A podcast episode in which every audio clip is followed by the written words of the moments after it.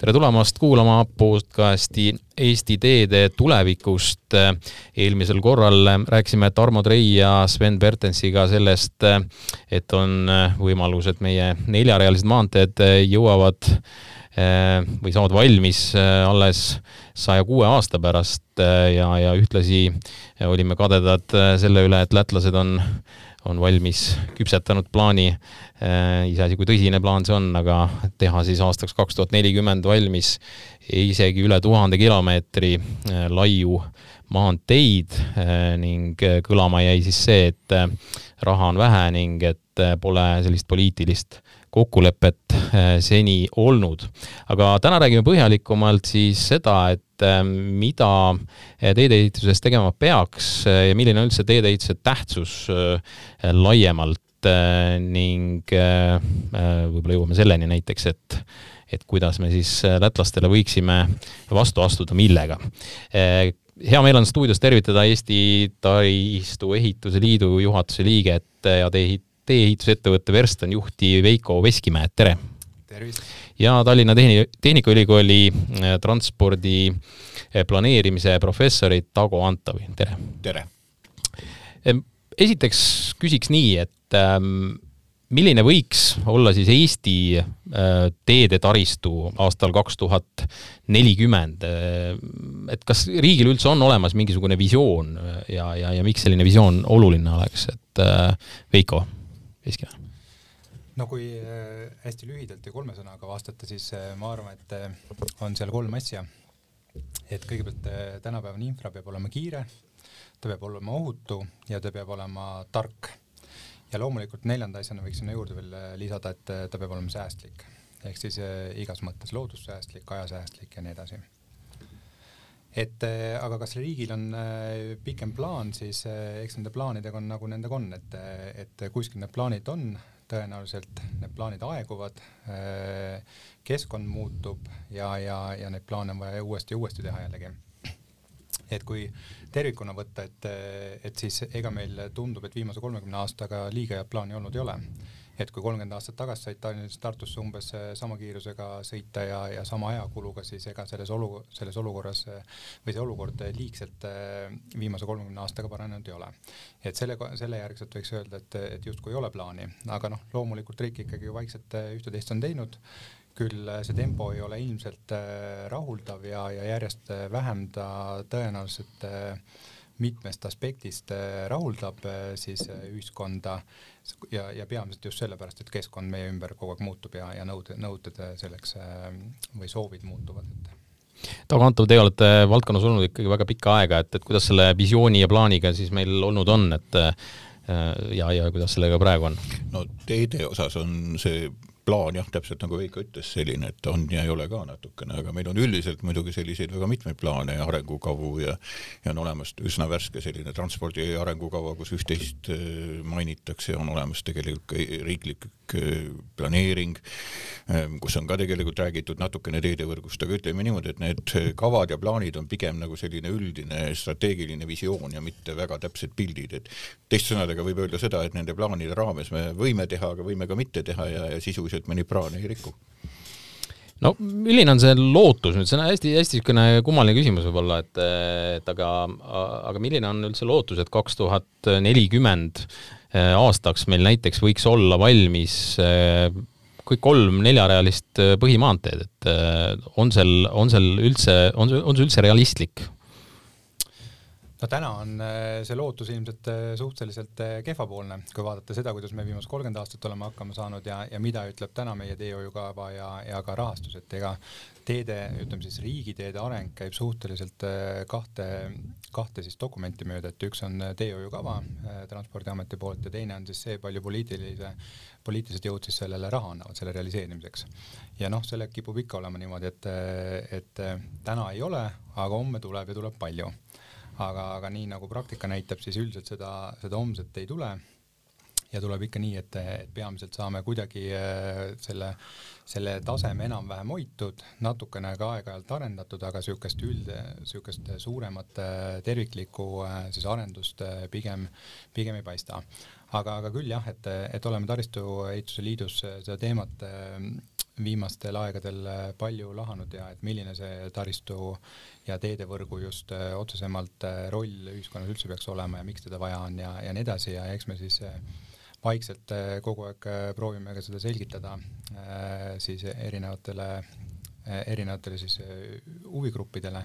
et, et miks teda siis ikka vaja on, aga, aga, aga noh, ütleme nii, et, et märgid näitavad ja on õhus, et, et ikkagi ühiskonna ootus sellele on nii suur, et ma usun, et, et see tempo peab ikkagi oluliselt tõusma võrreldes sellega, mis ta on siiani olnud, et. aga vaatamegi otsa natukene sellele, et, et miks need teed olulised on, noh, väga lihtne vaade sellele on see, et me peame saama punktist A punkti B ja, ja praegu ka saame ju Tallinnast Tartusse, aga tegelikult on, on see tunduvalt keerulisem ja komplitseeritum. võtame kõigepealt ette selle konkurentsivõime teema, et, et võib-olla see oleks vaja nagu lahti seletada, et, et, et mida sellised tõesti kiired, äh, laiad äh, teed meile nagu konkurentsivõime osas siis annavad, Tago Antov? Ehm, noh, nagu on palju ju mainitud, et tegelikult teedevõrk kui selline üldse on nagu tegelikult inimesele verering, et kui meil veri ei liigu, siis, siis me kuskilt midagi hakkab kärbuma või ära surema. et tee on kindlasti üks selline element, kus seda tegelikult vaja on. ja ma usun, et kui me räägime praegu sellest, et, et millised need tee ja milline see olukord meil täna on, siis kõik, kes sõidavad näiteks noh, ma ei tea, Tallinnast Pärnu poole ja edasi kuskil Ikla poole, siis tunnetavad isegi seda, et, et kuskilt pidi enam see nagu väga mõnus tegelikult ei ole. et mis minu meelest on nagu tähtis, on see, et, et me oleme nagu Eesti arenguga jõudnud sinna etappi, kus me ütleme enam noh, et sellised põhiasjad on meil nagu olemas, nagu ennemgi juttu oli, et põhimõtteliselt sõita saab ja võrgud on olemas, aga see, et, et meil seal teedel kohati inimesed saavad viga ja, ja isegi palju nagu surma ja, ja vahetevahel on need teed üsna viletsas seisukorras ja me ei jõua tegelikult nagu normaalse ajaga kuskilt, siis see näituks, näitab näitab natukene ka seda, et kui ja millisele tasemele riik omadega on jõudnud. see on kindlasti majanduslik külg, seal on kindlasti selline sotsiaalne aspekt olemas, seal on kindlasti ka selline noh, kas ma ütlen, riigi tervishoiu aspekt olemas, kui me räägime õnnetustest, noh ja võib-olla mõned asja, asjaolud veel. aga noh, päris selge on see, et, et ega tegelikult neljarealine tee kui mõiste ei ole tegelikult nagu asi iseenesest, ta on tegelikult nagu ikkagi ainult üks element kogu sellest võrgustikust. no kindlasti on sellel selline äh, Äh, väga suur mõju äh, ja, ja, ja väga oluline on see teedevõrgustik sellistele äh, väiksematele kohtadele. Veiko Veskimäe, kuidas siin, noh, milliseid näiteid siin saab tuua, et, et, et, et kus siis selline teedeehitus ja, ja, ja, ja areng selles valdkonnas on toonud, toonud ikkagi palju kasu? No ma arvan, tervikuna see ongi, et me oleme kuskil seal ka selle koroonaepideemiagast tingituna jõudnud kuskile niisugusesse punkti, et, et kus tegelikult võib-olla need paradigmad natuke on ka muutumas. et, et üldiselt maailmas ja ka Eestis on linnastumine on olnud viimastel aastakümnetel väga suur, aga, aga tegelikult me järjest rohkem näeme, et tehniline, tehnilised võimalused ja arengud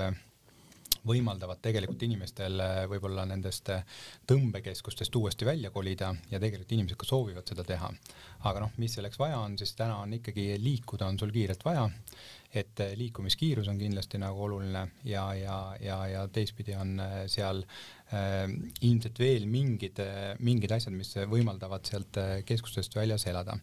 aga, aga et eh, kui mingeid näiteid tuua, et noh, neid näiteid on ilmselt, eh, ilmselt mitmeid ja, ja, ja erinevatel tasanditel, aga, aga noh, ma ise olen näiteks Paidest pärit.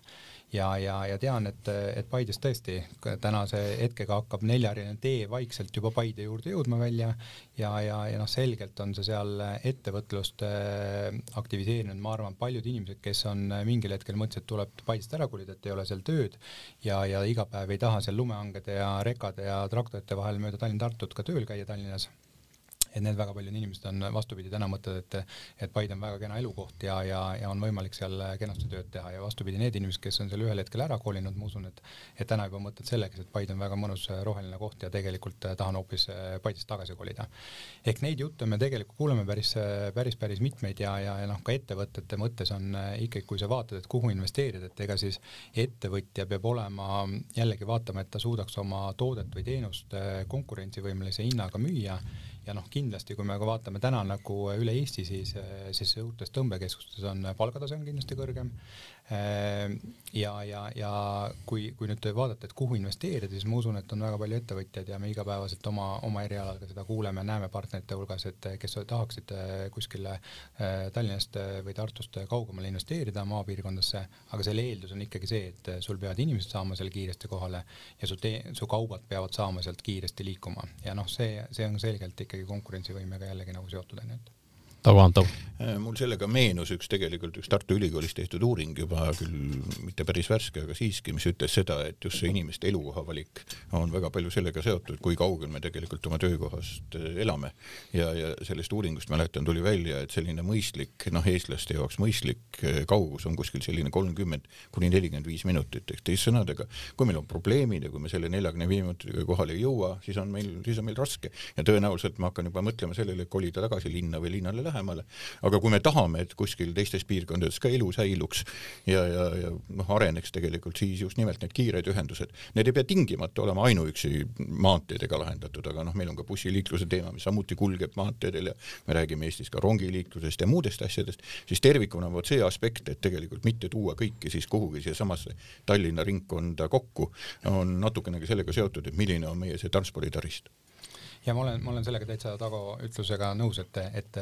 tõenäoliselt kui üldse vaadata tervikuna seda taristu või teedevõrgu ja üldse infrastruktuuri arengut, siis üks peamine asi, mis, mis märksõna on, on kiirus ehk kiirus, kuidas ma saan punktist A punkti B, nii inimesed kui kaubad. ehk noh, neid näiteid on ilmselt meil kõigil elus palju, et, et mina isiklikult elan täna, elan Viimsis, käin tööl iga päev, käin Ülemistel ja, ja, ja noh, võiksin sõita sealt ju väga erineval viisil sinna tööle, et palju päevi on see, kus võib-olla ei peakski üldse autot kasutama, aga sealt lihtsalt ei ole mõistliku ajakuluga võimalik äh, tööle saada, esiteks ma ei saa bussi peale või, või sinna ühistransporti, sealt ma ei saa edasi ja nii edasi. et kui jällegi nüüd autoga täna liikuda, siis äh, infrastruktuuri investeeringud väga selgelt äh, täna on ikkagi Eestis veel sellised, et, et olles ise ka osalenud reidide ehituses, siis võin kinnitada, et, et selle konkreetse investeeringu äh, najal tegelikult äh, sellel suunal läks äh, liiklemine oluliselt sujuvamaks ja noh, loomulikult kehtib seal nagu põhimõte, et, et ega me ei saa kogu aeg ehitada teid suuremaks ja laiemaks, aga Eesti on täna veel selles olukorras, kus meil on tegelikult taristu välja ehitamata. ehk eh, nii nagu Taago ka ennem ütles, et, et ega noh, juba vana ütlus on, et, et seal, kus on tee, on elu, et, et see on kõige esmatasaline liikumisviis meie jaoks ja noh, see jääb veel väga-väga pikalt ja Eesti olukorras, kus ta on ka hajaasustatud eh, samaaegselt, siis noh, tõenäoliselt ei ole mõistlik eh, veel väga pikka aega kuskilt Jõgevalt äh, või, või, äh, või, või mõnest äh, väiksemast Palmse külast näiteks, kus on üks väga korralik metalliettevõte, toodab väga-väga suurepäraseid tehnoloogilisi seadmeid ja, ja tahab neid väljapoole viia, et neid inimesi sinna tööle sõidutada ja koju sõidutada kuskilt kaugemalt ei ole mõistlik kindlasti kas siis äh, rongiga või millegi taolisega, ehk siis teed on ikkagi see, see nii-öelda see äh, vereringe alus või, või need arterid ja, ja just selles, selles kontekstis äh, ma usun, et, et on vaja ka seda vaadata, et no kui nüüd ma sellest kiirusest korraks haaran kinni, et, et, et kindlasti kuulaja tahaks teada ka seda, et, et kui tõenäoline on et, et selle käigus, kui me siin nüüd äh, võtaksime fookusesse need äh, neljarealised äh, maanteed, et, et siis me saaksime noh, vähemasti suvekuudel nautida selliseid suuremaid kiirusi, et, et me teame, et siin sada kakskümmend kilomeetrit tunnis on meil nüüd siin noh, kuskil juba, juba nagu toimib, eks ole, ja nii, aga et, et, et sealt veel edasi, et, et on see, on see siis realistlik, et me ikkagi räägime sellistest suurematest kiirustest siis ka? Kiiruse tõusule praegusel hetkel seab kõige rohkem probleeme meie liikluskorralduslik aspekt tegelikult. et põhimõtteliselt me kindlasti oskaks ehitada ka neid teid, kus võiks vabalt sõita ka sada kolmkümmend või sada nelikümmend või veel suurema kiirusega, aga noh, alati ei ole see lihtsalt mõistlik, sest meil on noh, loodetavasti jääb ka niimoodi, on meil olemas talved ja kehv ilm ja, ja libe ja kõik selline asi. see, mida ma tahan selle liikluskorraldusega eelkõige nagu mainida, on see, et, et meie tänane seis, mis puudutab just nendel suurtel maanteedel liikluskorraldust, on suhteliselt jäik, ta on ikkagi üsna vana vanaaegne. me panemegi need märgid, ütleme seal kuskil kevadel üles, siis võtame nad sügisel maha ja arvame, et see on nagu üsna hea lahendus. et tegelikult on noh, näiteks eelmisel talvel näitas ka, et meil on palju ilusaid ilmu, kus saab tegelikult tohib ja ongi mõistlik sõita kiiremini ja samas võivad ka tegelikult sellel hetkel, kui meil on tegelikult need lubatud suuremad piirkiirused, tekkida sellised olukorrad, kus me tegelikult ei tohiks nii kiiresti sõita ja annamegi liiklejatele natukene nagu vale signaali ja see on just see ohutuslik aspekt. ehk siis ma tahaks öelda, et meil on täna tegelikult olemas võimekus ehitada nii tarku teid, mis tegelikult just arvestavad seda olukorda, milline sellel teel parasjagu valitseb ja siis tegelikult nii-öelda soovitada ja, ja pakkuda nendele kasutajatele vot seda kõige mõistlikumat kiirust, et sa jõuad piisavalt kiiresti kohale, aga samas jõuad ka tervena kohale ma olen täiesti nõus sellega ja sama, sama kehtib ka tegelikult linna situatsioonis, et noh, et me kõik seisame kuskil valgusfoorit taga, mis ühe, üheltki suunast ühtegi autot ei tule, et mida ta siis jälle kuulutab, et et ühtepidi on see ka seesama roheline mõõde, et et teed ja autod on loomulikult äh, keskkonda nad kulutavad, see on paratamatus, tänane ühiskond äh, peab sellega hakkama saama, aga just see tehnoloogiline areng tegelikult võimaldab nendest probleemidest üle saada. ehk noh, kui me võtame sellesama, et, et kui auto seisab asjatu, peatub äh, tee või tähendab foori taga, siis ta peab seal kiirendama, mis võtab rohkem kütust, piduriklotsid kuluvad, tee kulub rohkem, nii edasi, nii edasi. ehk see kõik on midagi, mis tegelikult on võimalik täna juba ammu lahendada, et nagu Tago ütles, et, et tegelikult see, kuidas me täna liiklust paljuski korraldame ei ole mitte, mitte nagu vana, vaid on ikka väga vana. et, et juba, juba täna varsti sada aastat tagasi ilmselt korraldati liiklust täpselt samal kujul ja need võimalused on kõik olemas ja loomulikult, kui me sõidame neid mööda teid, et siis me täna näeme, et mööda uut teed sõita on väga hea, on kiire, aga samas on ka tohutu. ja samas, mis on tõenäoliselt, ongi väga oluline, oluline seal välja tuua, et ka sõitja jaoks see ootus on tegelikult, et sõitja eh, ilmselt ikkagi on, on pigem nagu kuulekas ja tahab olla ohutult liigelda, kiirelt, aga ohutult ja vastavalt siis tingimustel, et kui on ikkagi veebruarikuuses päike paistab, tee on kuiv, siis miks mitte tänase, tänaste masinatega sõita seal saja kolmekümnega võib-olla isegi, aga kui lund sajab ja on või on oht, et on metsloomad teel, siis tänane tehnoloogia võimaldab tuvastada, et see metsloom on seal kuskil ligidal ja, ja seal peaks see liiklus olema piiratud ja, ja tegelikult liikleja saab sellest ka väga hästi aru, aga lihtsalt jah, et see ootus, et, et me oleksime targemad ja, ja on võimalik liigelda kiiresti, aga ohutult, aga teistpidi siis keskkonda arvestades on kindlasti ma arvan, täna nagu oluliselt äh, kasvanud. kas sellest äh,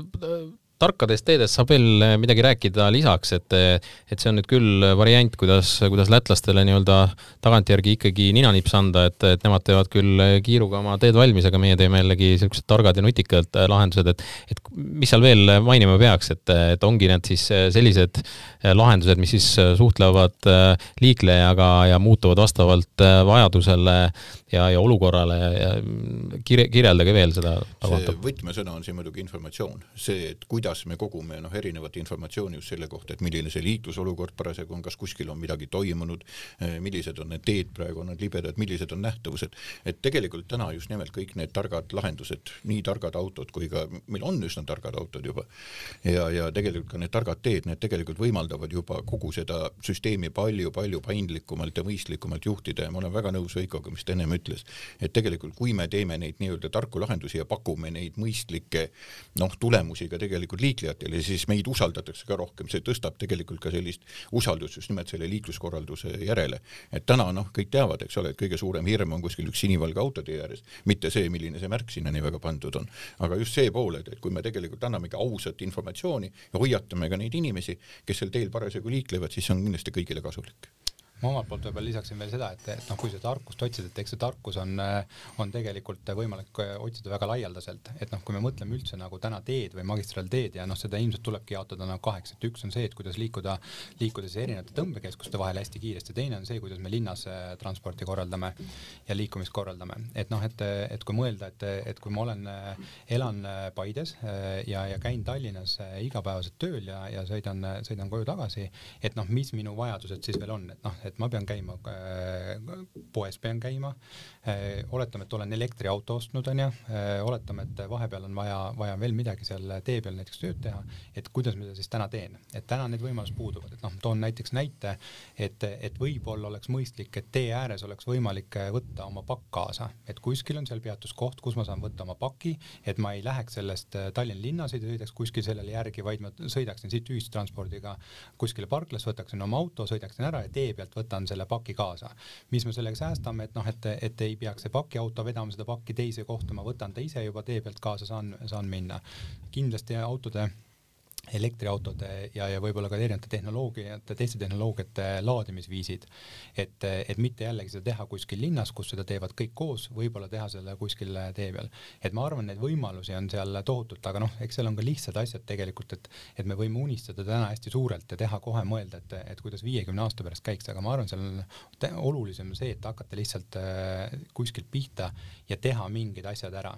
ehk siis, siis veel kord, et, et see liikumiskiirus kõigepealt ära tagada ja noh, kui me mõtleme ka sellele, et mis üldse teedes kunagi saab, et noh, et me ju kõik teame, et on e-, väga erinevad tehnoloogiad, äkki kunagi lendavad üldse droonid ja, ja kõik see pool äh,. aga noh, kaupu ja kõiki asju on sul vaja ikkagi kuskilt liigutada, et isegi kui see muutub, see vajadus mingil ühel hetkel, et, et ei, ma ei tea, kolmekümne, neljakümne, viiekümne aasta pärast ei liigu mingil põhjusel autosid nii palju seal tee peal, aga on mingi teine liikumisvahend, siis nad üldjuhul saab seda ka väga kergelt sealt nagu ringi sättida, aga need just need võimalused peaks seal olemas olema ühe näite võib-olla tooksin veel sellest, et nendest lihtsatest asjadest, et kui te sõidate täna selle uue Tallinn-Tartu äh, maantee peal,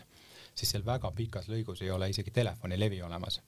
Mis, mis on jällegi näitab seda, et tegelikult me ei suuda neid asju vaadata koos ja, ja, ja me tegelikult teeme ühe investeeringu, mis annab küll väga suure nii-öelda impact'i, aga tegelikult on seal mingid asjad, mis, mis ei võimalda seda täismahus võib-olla kasutada või täisefektiivsusega nagu kasutada ainult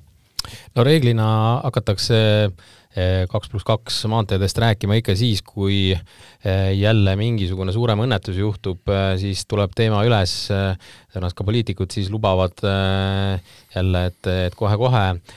räägimegi liiklusohutusest, et ega sellega nüüd siin midagi oluliselt paranenud ei ole viimastel aastatel, et selles mõttes see on üks, üks teema, mis kahtlemata igat üht meist puudutab või puudutada võib. kuidas meil selle liiklusohutusega siis on, Taganto? täpselt nii ongi et kui me siin võrreldes üheksakümnendate aastatega saavutasime seal noh, esimesel kümnendil ja teisel kümnendil nagu tohutut edu, et üheksakümne esimesel aastal hukkus Eestis teedel nelisada üheksakümmend üks inimest ja praegu räägime suurusjärgust umbes viis-kuuskümmend, siis paraku ei saa selle viie-kuuekümnega kuidagi rahul olla ja eriti seetõttu, et noh, sisuliselt siin viimasel viiel-kuuel aastal mingit olulist paranemist toimunud ei ole. Ja see tähendab tõesti seda, et kui me praegu vaatame, mida siis nagu liiklusohutuse alal on tehtud, siis needsamad üheksakümnendad ja võib-olla kahe tuhandendate aastate algus oligi selles mõttes natuke nagu lihtsam otsuseid teha, et meil olid paljud asjad tegemata. nüüd on need tehtud ja nüüd on meil tegelikult nagu suur küsimärk, et kuidas edasi ja vot siin nagu päris selget pilti nagu tegelikult veel klaarinud ei ole jah, ja ma usun, et seal äh, on ikkagi äh, see põhimõte, et, et sa võid loomulikult liiklejale öelda, et, et ära sõida kiiresti ja, ja, ja sa võid teda keelata ja kõik, aga ma arvan, et olulisem ja, ja tegelikult toimiv on see, et luua see keskkond, mis oleks ohutu ja need viisid. ehk tehnoloogia areneb täna nii palju, et autod arenevad viimase kümne aasta jooksul väga palju arenenud, nendes autodes olemas turvavarustus, kõik asjad ja, ja see, ja see ootus liiklejal liigelda veel kord kiiresti on kindlasti äärmiselt, äärmiselt äh, oluline. Ja, ja ka riigi äh, tervikuna konkurentsivõimes, ettevõtte konkurentsivõimes on oluline, aga just see, et seda ootust täna, täna enam kuidagi maha ei võta ja ma arvan, et ainuke, mis me seal peaksime tegema, me peame suutma selle keskkonna äh, luua, mis vastaks sellele tehnoloogilisele arengule, et täna me ikkagi sõidame väga paljuski nende teede peal äh, sisuliselt, mis on võib-olla Vene aja või, või, või mitukümmend aastat tagasi äh, olnud vajadusele rajatud ja, ja meetodile rajatud ja, ja arvame, et kõik see on täna veel okei okay,, et tegelikult see lihtsalt ei vasta nendele, nendele ootustele ja võib-olla nendele tehnoloogilistele võimekustele, mis, mis täna olemas on Need liiklusohutuse kolm tugisammast, nagu teoorias tavaliselt räägitakse, on inimene, sõiduk, tee, eks ole, isegi üks vana hea raamat on selle kohta olemas. inimesed on natuke läinud meil paremaks, noh, seda näitavad need käitumusuuringud, mis on. me oleme üsna palju võitnud tegelikult oma ohutuses just nimelt nendel esimestel aastatel eelkõige tänu sellele, et meie autopark muutus väga kiiresti. aga jälle võib öelda, et see ei ole kahjuks meie enda tee. nüüd ongi see kolmas hetk käes, mida teha selle taristuga, kuidas luua see taristu nii, et see tegelikult vastaks ka nendele nõuetele, mida me täna eeldame ja ma, ja ma arvan, et eks seal ongi, et see, et kui need ootused on mõistlikud äh, ja, ja see keskkond on nagu mõistlik, nagu me ennem just rääkisime sellest nende tarkadest lahendustest, et ega noh, kõik saavad aru, et kui tee on kuiv ja, ja libe, saan kiiresti sõita, kui on natukene kehvemad ilma olnud, sõidan aeglasemalt. kui see on paigas, siis ma usun, et, et tegelikult kasutaja on ka suhteliselt äh, kuulekas neid kasutama selliselt, et räägime ka tänapäeval sellisest äh, noh, moodsast teemast ja, ja aga kahtlemata ka väga olulisest teemast nimega siis äh, loodussääst ehk siis äh, tegelikult äh, laiad teed, laiad maanteed on ka siin väga olulised. mida siin välja saab tuua, et, et kui ikkagi põhimaanteed neljarealiseks teha, siis selle mõju loodusele oleks väga, väga oluline jah, kahtlemata, eks ole, ja ma arvan, et siin on neid otsustuse kohti üsna palju, et, et millised on nüüd need kaalukausid, mis üksteist hakkavad tegelikult nagu üles keerama. aga nagu ennem räägitud oli, kui mina mõtlen nagu sellele, et milline võiks olla auto roll, noh, sealhulgas, sest autod sõidavad ikkagi tee peale, tõenäoliselt jäävad veel sajaks aastaks sõitma, siis see tähendab nagu natukene ka seda, et see, me oleme natukene nagu hakanud autost rääkima selle loodushoiu keskel ka kui millestki, mis on nagu väga ebameeldiv või, või midagi väga sellist negatiivset. aga tegelikult ma arvan, et autole jääb roll ja jääb väga pikaks ajaks veel täiesti tõsiselt, tõsi küll, võib-olla see auto ei pea liikuma, sa ei pea autoga kiiresti saama, nagu Veiko ütles, hakkas liikuma igal pool, eks ole, näiteks siin Tallinna kesklinnas võib-olla see ei olegi hädavajadus selle järele, aga tegelikult just need muud ühendused, kus sul tegelikult muid võimalusi ei ole oma igapäevaste eluvajaduste tagamiseks, siis seal on tegelikult autol väga tõsine roll. Ja minu meelest me ei peaks hakkama väga palju just nagu vastandama, nagu, nagu konkurentsi pakkuma, et kas me räägime nüüd, kas inimesed sõidavad, ma ei tea, bussi näiteks või rongiga või autoga, sest tegelikult nagu tuleviku transpordisüsteem on tõenäoliselt selline, kus need mõlemad pooled saavad väga hästi töötada koos jah, see paindlikkus on kindlasti oluline, kui loodussäästust rääkida, et, et siis ega loodussääst ei ole ainult äh, see, mis esmapilgul tundub, et, et teid mitte üldse ehitada ja autoga üldse sõita. et tegelikult saab kogu aeg, veel kord, tehnoloogia arenevad, inimeste siuksed võib-olla käitumismustrid muutuvad, et kui me võtame kasvõi sellesama Tallinn-Tartu maantee lõigu, mis täna on valmis ehitatud, see uus lõik, siis selle pealt on kokku arvutatud, et, et see hoidis inimeste aega kokku viiskümmend kaheksa inimaastat ühes aastas, aga selle juures ka see tee lühenes ja selle pealt hoiti kokku aastas, hoitakse kokku umbes miljon äh, liitrit kütust. ehk noh, see on selles mõttes, võib jällegi öelda, et, et täna meil on selline tee, nagu ta seal oli, kui me seda investeeringut teinud ei oleks, siis põhimõtteliselt me oleks üks miljon eurot küt- või üks miljon liitrit kütust aastas rohkem kulutanud, et et, et ma arvan, et seal see vaade on sellele rohelisele, rohelisusele on, on väga nagu niisugune mitmekesine, et, et seda tuleb vaadata ka sellest vajadusest lähtuvalt, millest Tago just rääkis, et et, et liikuda me ometigi tahame, autoga me sõita tahame kaupa on vaja liig-, viia ja nii edasi, aga et, et kuidas seda tõesti saab täna teha ka kohe äh, targalt investeerides, saaks tegelikult äh, siis seda mõju võib-olla looduskeskkonnale vähendada. no üks teema veel oluline äh,, nimelt väga tihti kuuleb teedeehituse puhul ikkagi sellest äh, kulunumbrist, kulu poolest, et teed maksavad nii ja nii palju ja nad tõesti maksavad palju, aga ei räägita sellest kasu poolest, noh, samamoodi on raudteega, et ikka kiputakse vaatama seda, et kui palju see kõik äh, raha võtab, aga, aga seda teist poolt ehk siis palju see tagasi toob, äh, seda ei vaadata, et, et kahtlemata väga oluline on, on teede puhul ikkagi rääkida ka sellest, et see reaalselt toob öö, oma sellise maksumuse tagasi, noh, mitte küll nüüd kohe järgmisel päeval, järgmisel aastal, aga, aga kindlasti ta teeb seda jaa, kahtlemata, sest noh, sellega me tegelikult täna ju alustasimegi, et see on tegelikult üks nii majanduse kui sotsiaalse elu veresoonekonna üks tugev osa. kui meil seda ei ole, siis noh, kas ma ütlen, vererõhk tõuseb ja võib tekkida infarkt mingil hetkel või, või mõni muu puheda. ja, ja teine pool muidugi lihtsalt, mis on mulle endale alati südamelähedane, on sama ohutuse teema. ma tean, et seda on kokku arvutatud, et kasvõi puhtalt Eestis näiteks kuskil liiklusõnnetuste, mitte ainult hukkunute, üldse liiklusõnnetuste tõttu on see ühiskondlik kulu, mida me tegelikult kõik anname, on kuskil seal kolm protsenti SKP-st SKP-st, mis on nagu päris märgatavalt rohkem kui näiteks see, mis me NATO-sse panustame. jah, nõus. räägime, räägime nüüd äh, kohalikest teedest äh, ka, me oleme rääkinud nendest äh, neljarealistest maanteedest, aga meil on tulemas kohalike omavalitsuse valimised ja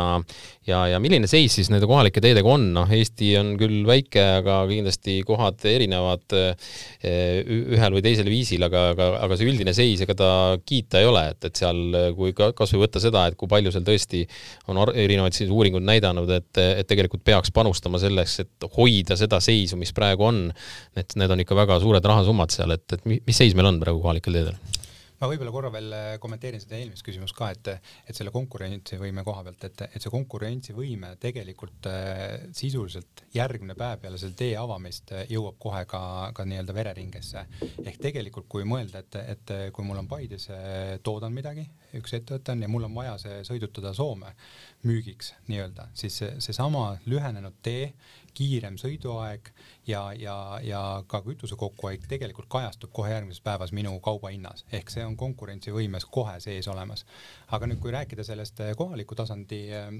teede olukorrast, siis, siis eks see on, see on juba nüüd teine vaade jällegi sinna juurde, et, et meil peakski olema ilmselt kaks vaadet, et kuidas liigutada inimesi ja kaupu siis suurte keskuste vahel ja teine on see, et kuidas kohalikul tasandil. ja noh, kui me see, seal tuleks omakorda tõenäoliselt jagada see väga või ütleme, et veel, veel mitmeks, et on suuremad tõmbekeskused nagu Tallinn, Tartu on ju, võib-olla Narva, võib-olla sellised linnad ja, ja on väiksemad kohad, et eks need mured ja vajadused on seal ka täiesti nagu erinevad aga, aga ütleme, et ega kohaliku teede olukord äh, kindlasti kuidagi parem ei ole, et, et see remondivõlg on äh, tänaseks juba üle kolme miljardi euro. Äh, enamus või väga palju neid teid tegelikult seisab siis nendel aluspinnastel ja, ja, ja ütleme, et on tehtud võib-olla niisugust pisikest iluremonti seal, aga niisugust väga põhjalikku remonti teinud, tehtud seal ei ole. ja noh, kindlasti ei vasta nad täna jällegi ühiskonna ootustele, et noh, võtame kasvõi selle täna, täna Tallinna linnas aktuaalse rattateede, teede siis äh, tegemise, et, et noh, sellest me tõenäoliselt tunneme kõik puuduse ja loomulikult siin tuleb ka selles mõttes olla, olla taaskord ka võib-olla õiglane, et, et ega ajas on asjad ikka kindlasti nagu paremaks läinud, et olen ise ka päris äh, aktiivne rattakasutaja, käin rattaga sporti tegemas ja, ja, ja kergliiklusteid on ikkagi üle Eesti ka väga palju tulnud. aga, aga jällegi, et, et see, see tempo ei ole kindlasti kaugeltki piisav ja, ja tegelikult see ei vasta meie, meie niisuguse igapäevasele ootusele, et kuidas me saaks liikuda punktist A punkti B ette kui me neid kohalikke teid vaatame, jätame need suuremad linnad kõrvale, sellega olen nõus, mida Veiko just parasjagu ütles, siis ega see seis nüüd väga hea kiita ei ole. et üldse, kui vaadata Eesti teedevõrku tervikuna, mis siis on kohaliku omavalitsuse teed ja riigiteed kokku, siis tegelikult võib öelda, et see võrgustik on tegelikult piisavalt tihe, võib-olla mõnes mõttes isegi liiga tihe, eriti kui vaadata näiteks seda Kagu-Eesti piirkonda, seal on teid nagu kilomeetri kohta tohutu palju, aga rahvast jääb järjest-järjest vähemaks. ehk siis teiste sõnadega, nende teede kasutajate arv on nii kole väike, mis muudab jälle nende hoolduse ja, ja kogu selle ekspluatatsiooni meeletult kalliks kalliks. et siin on tegelikult nagu üsna palju selliseid mõttekohti, mida siis ikkagi nagu tulevikus teha, mul ei ole päris head retsepti pakkuda, aga ma julgen arvata, et ega me väga palju kuskil enam neid uusi teid tegelikult ei vajagi, aga eelkõige see jah, kuidas tulla toime selle teedevõrguga ja kas me üldse tuleme sellise teedevõrguga toime. aga mingis mõttes on ta tõenäoliselt jällegi niisuguse kompleksse vaate nagu küsimus, et, et noh, et inimesi jääb vähemaks, miks neid vähemaks jääb, et noh, üks asi, nad ei saa piisavalt kiiresti liikuda, võib-olla kaob kuskilt eh, sellepärast, et seal inimesi on vähem, ei ole seal koole, ei ole seal seal lõpuks sul terviseasutus ja nii edasi, inimestel tundub, et sealt seal ei ole töökohti, et see on nagu tsükkel. ehk see nõuabki selles mõttes seda, seda vaadet nagu tervikuna, kuidas saada inimesed nendest piirkondadest tagasi sinna, kuhu me tahame, kuidas neil oleks siis võimalik piisavalt kiiresti nii-öelda liikuda, aga noh, neid näiteid, kus see kohaliku teede olukord äh, tegelikult takistab niisugust äh, igapäevaelu, on tõesti nagu me oma alal äh, puutus kokku erinevate ettevõtjatega, ehitas nendele taristut igapäevaselt, et noh, ma tean tänaseks lahkunud äh, Mati Vetevool äh, kunagi äh, ehitas meie ettevõte talle mingit, mingit siis tootmisettevõtte juurde mingit parklat ja ja, ja, ja ütles, et tal oli esimene tehas, kus tal oli, oli kruusatee tuli sinna ja, ja jaapanlased ei lubanud või ei olnud nõus talt kala ostma sellepärast, et see kruusatee jupp oli seal vahel ja, ja noh, jällegi kohaliku omavalitsuse roll oleks seal see korda teha selleks, et see ettevõtlus saaks seal areneda, noh selliseid lugusid on tegelikult palju-palju äh,, et, et ja noh, siis ega loomulikult ettevõtja on pragmaatiline, et ega ja inimesed, et ega inimesed liiguvad sinna, kus siis on äh, võimalik seda lihtsamalt teha, ökonoomsemalt teha ja noh, siin on, ongi riigi roll nüüd seda, neid protsesse siis suunata no kelle, kelle asi need kohalikud teed siis on, et, et ütleme, riik versus omavalitsus, et siin peaks riik ikkagi, kui me oleme siin äh, saate äh, esimeses pooles rääkinud, need kasud kõik, et, et noh, tegelikult neid saab üle kanda ka nendesse äh, kohalikesse teedesse paljuski, et, et, et kui sa neid korda teed ja, ja, ja paremaks, kvaliteetsemaks, siis, siis need, need kasud on ka seal kõik, nii turvalisus kui ka, kui ka kiirus, et, et, et, et, et noh, selgelt, selge see, et kohalikud omavalitsused ise hakkama ei saa ja nad on ka väga erineva võimekusega seal noh, mina ütleks seda, selle kohta seda, et, et kodanikuna vaadates, et mis see riik siis nüüd täpselt ikkagi on, et mis asi on see riik ja mis asi on kohalik omavalitsus, lõpuks oleme Eesti, Eesti Vabariigi elanikud ja, ja tegelikult me tahame siin liigelda tahavad needsamad kohaliku omavalitsuse inimesed, riigi inimesed liigelda. ehk selles mõttes ma arvan, see ikkagi äh, tahab niisugust ühist äh, või ühtset nagu lähenemist võtta ja mis on oluline veel nende investeeringute mõttes muidugi, et investeering peab olema ka tark. ehk noh, et täna me ju tegelikult ei tee niimoodi, et, et keegi enam, et nagu nõukogude ajal võib-olla oli tavaks, et, et hakkasin maja ehitama, et sain, sain kolm telliskivi kuskilt, läksin, panin selle natuke segu ka, panin selle paika ja noh, siis kuu aja pärast sain järgmised kolm kivi ja ehitasin jälle maja ja kümme aastat ehitasin maja ja, ja, ja siis ükskord sain sisse, et tegelikult täna me, kuidas me käitume, on see, et, et, et me tegelikult äh, leiame need rahalised ressursid, teeme selle investeeringu ära, hakkame seda kasutama ja siis, siis äh, ka maksame selle eest. ehk see, see tark investeering tähendab sisuliselt seda, et sa tegelikult vaatad seda ikkagi nagu tervikpilti, et see üks jupp kuskil valesti planeeritud jupp tegelikult ei võimalda seda võib-olla seda taristut ikkagi või seda eesmärki saavutada. ehk seal ma usun, on tegelikult äh, ei ole vaja nii palju süübida sellesse, et, et äh, kelle käes see raha nüüd tuleb või, või kes see kõige õigem on seda teha, et see tahab ikkagi tervikuna üleriigilist äh, siukest äh, ühtset nägemist saada ja, ja ka väga hästi eesmärgistada, mida me sellega saada tõesti saavutada tahame ja, ja siis, siis tuleb seda leida need rahalised võimalused ja millest need rahalised võimalused leitakse, see on juba, ongi sisust niisugune poliitiline küsimus, et kas see on laen, on see automaks, on see mingi järgmine kolmas asi, aga, aga see ikkagi tuleneb sellest, et mis on nagu eesmärk. No mis need variandid veel on, kui, kui rahastamisest veel rääkida, tähendab noh, siin on räägitud, et, et et ikkagi võiks ka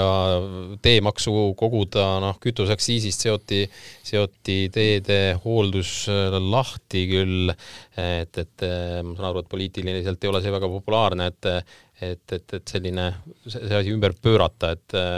et aga, aga noh, on siin, on siin, milliseid variante siin ise näete laual? no mis siin ikka salata tegelikult, et kui me praegu oleme nende põhiliste teedega, noh, eelkõige nende põhimaanteedega suhteliselt hästi toime tulnud, eriti kui lätlastega võrrelda, nagu ennem jutuks oli, siis need rahad on ju suurest osast tulnud praegu sealt hoopis Euroopa Liidust ja need summad hakkavad järjest nagu vähenema, ehk ehk siis kogu see loogika peakski olema see, et me peame ise hakkama mõtlema sellele, kuidas enda teedega siis ise toime tulla. aga ma kardan, et see automaksu teema kerkib uuesti varem või hiljem jälle uuesti üles ja ma arvan, et see ei olegi võib-olla nii traagiline, nagu seda teinekord nagu võetakse. just täna hommikul ühel teisel koosolekul viibides natuke vaatasime neid seise, milline see Euroopa Liidus on ja naljakal kombel tulebki välja, et praegusel hetkel siis noh, Euroopa kahekümne kuuest liikmesriigist Euroopa Liidus ongi Eesti tegelikult ainuke, kellel ei ole ühtegi automaksu kehtestatud, teistel mingil ühel või teisel kujul ikkagi nagu see maks on olemas ja võib-olla mitte sellepärast, et tohutult neid autokasutajaid nüüd kuidagi nagu vaenata või midagi taolist, aga ees, eelkõige just selle tõttu, et leidagi neid vajalikke investeeringuid selleks, sest tõenäoliselt paljud liiklejad on tegelikult nagu nõus seda maksu maksma, kui nad näevad, et sellest rahast, mida nad maksavad, tuleb ka konkreetne tulu ja minu meelest äh, veel kord, et, et ei ole ka isegi väga küsimus, et, et kus see, et mi, kuidas me nimetame seda, kuidas me selle raha kokku korjame, et fakt on see, et see selleks teede ehitamiseks on raha vaja, et kas seda finantseeritakse laenuga äh, selle ehitamise ajal või, või ükskõik mis teisel viisil seda tehakse, lõpuks peab see tagasi tulema. ja, ja, ja noh, selleks, et neid investeeringuid teha, et tõesti automaks, äh, ma arvan, et, et jällegi, et kui, kui see tundub olema nagu õige tee, siis ma arvan, kõik autokasutajad on nõus seda, seda maksma, kui ma saan kiirelt kiirelt ja ohutult liigelda, üks asi, ja teine asi, et noh, kui ma vean kaupasid, siis samamoodi ju lõpuks tarbija või klient maksab selle ju kinni aga et, et see peab, see ei saa olla niimoodi, et sa paned juurde, juurde, juurde, vaid et noh, sa pead kuskilt teiselt poolt midagi tagasi saama, sellest, sellepärast ma olen nõus, et, et ma ei kardaks absoluutselt seda, et, et kuskilt on vaja, vaja see raha nii-öelda kokku korjata või, või tulevikus, kui see investeering on tehtud, mille pealt see tasuvus siis tuleb, aga, aga et ma arvan, et seda tuleks selgitada tõesti ühiskonnale seda, et mis on see eesmärk, mida me saavutada tahame. Ja, ja siis, siis ju inimesed saavad aru, et kui poodi tahad minna, pead ju raha välja käima, tahad jõusaali minna, noh, sa pead maksu maksma, sa ei saa sinna niisama minna, onju ma küsin teilt lõpetuseks mõlemalt, mida te sellest Läti eh, eesmärgist eh, arvate, kaks tuhat nelikümmend ja enam kui sada või enam kui tuhat kilomeetrit eh, neid kaks pluss kaks maanteid, et päris selline ambitsioonikas plaan. olete te rohkem kursis, et, et kui reaalne see, see plaan ka on? või oli see selline sõnum lihtsalt? plaaniga konkreetselt mitte, lugesin seda ise ka tegelikult pressist, aga kuna mul on noh, vähemalt iga aasta korra või kaks põhjust käia Lätis